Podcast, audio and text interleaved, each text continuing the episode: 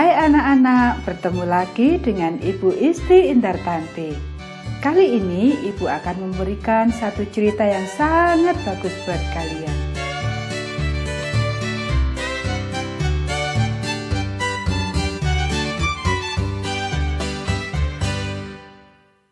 Mata kapak mengapung. Ayat hafalan Galatia pasal 5 ayat 13. Layanilah seorang akan yang lain oleh kasih. Pekabaran pelajaran ini, kita dapat menolong orang lain bahkan dengan cara-cara kecil. Menurut kamu, apakah Allah peduli dengan semut terkecil yang sedang merayap? Dia benar-benar peduli. Dia memperhatikan hal-hal yang kecil. Dahulu sekali, Allah menunjukkan kepada seseorang betapa Dia sangat memperhatikan satu hal yang kecil. Elisa sedang mengunjungi sekolah nabi-nabi di Gilgal. Murid baru akan masuk hari ini, kata seseorang pada Elisa. Tetapi kamar sudah penuh sesak, jadi hampir tidak ada tempat lagi. Sekolah perlu lebih banyak kamar. Murid-murid menyukai kunjungan-kunjungan Nabi itu. Dia menjawab pertanyaan-pertanyaan mereka dan mendengarkan mereka dengan penuh perhatian. Jadi mereka menceritakan kepada Elisa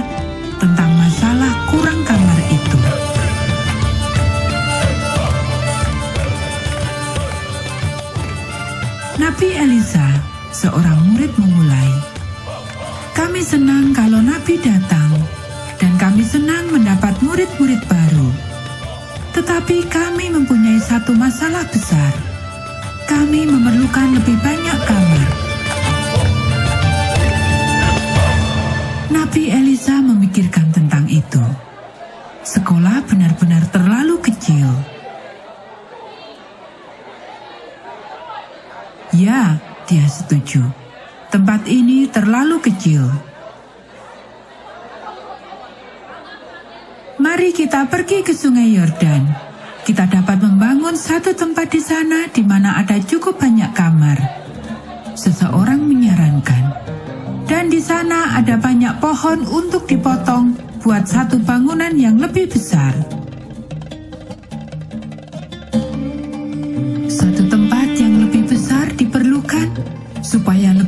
Banyak murid dapat datang dan belajar tentang Allah, sehingga mereka bisa menceritakannya pada orang lain.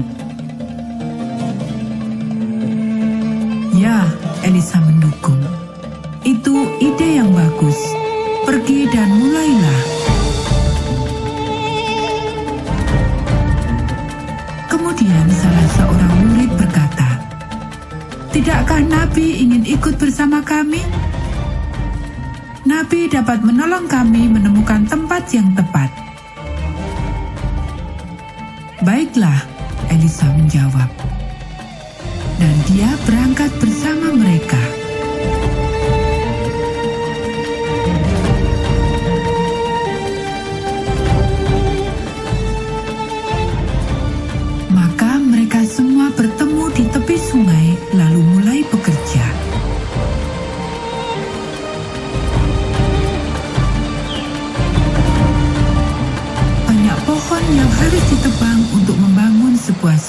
Yang lebih besar.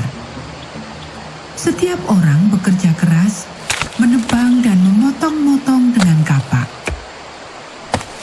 Tiba-tiba salah seorang murid berteriak, "Ya ampun! Tidak! Tidak!" Semua mendengar ada bunyi yang jatuh ke dalam air dan menoleh untuk melihat. Kapaknya mata kapaknya telah hilang.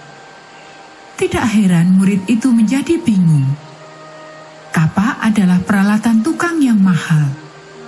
Mata kapak terbuat dari besi dan akan sulit menggantinya. Itu bukan punya saya, murid itu mengeluh. Saya meminjamnya. Apakah yang harus saya buat? Bagaimanakah caranya saya dapat menggantinya? Elisa cepat-cepat datang ke samping murid tadi. Di manakah tadi mata kapaknya jatuh ke dalam sungai? Dia bertanya. Murid itu menunjuk ke tempat yang tepat. Di sana, dia menjawab. Mata kapaknya tepat jatuh ke dalam sungai di situ. Kemudian Elisa melakukan hal yang paling aneh. Dia mengambil sebatang ranting lalu melemparkannya ke dalam air. Tepat di tempat di mana mata kapak itu tadi jatuh ke dalam sungai. Lalu muncullah mata kapak itu, mengapung di atas air.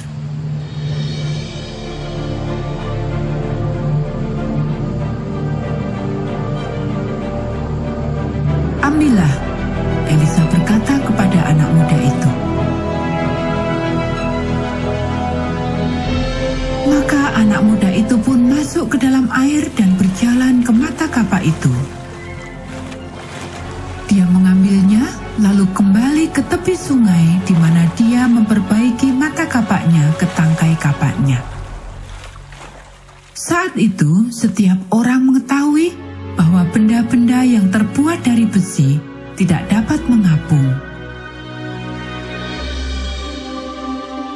Jadi bagaimanakah caranya mata kapak ini mengapung?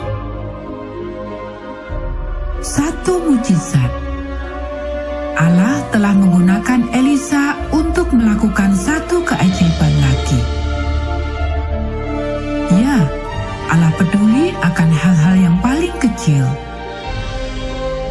Dia memperhatikan jika kita kehilangan satu alat yang kita pinjam atau satu mainan kesukaan kita. Memperhatikan semua kebutuhan kamu. Nah, anak-anak, demikianlah cerita kita pada saat ini.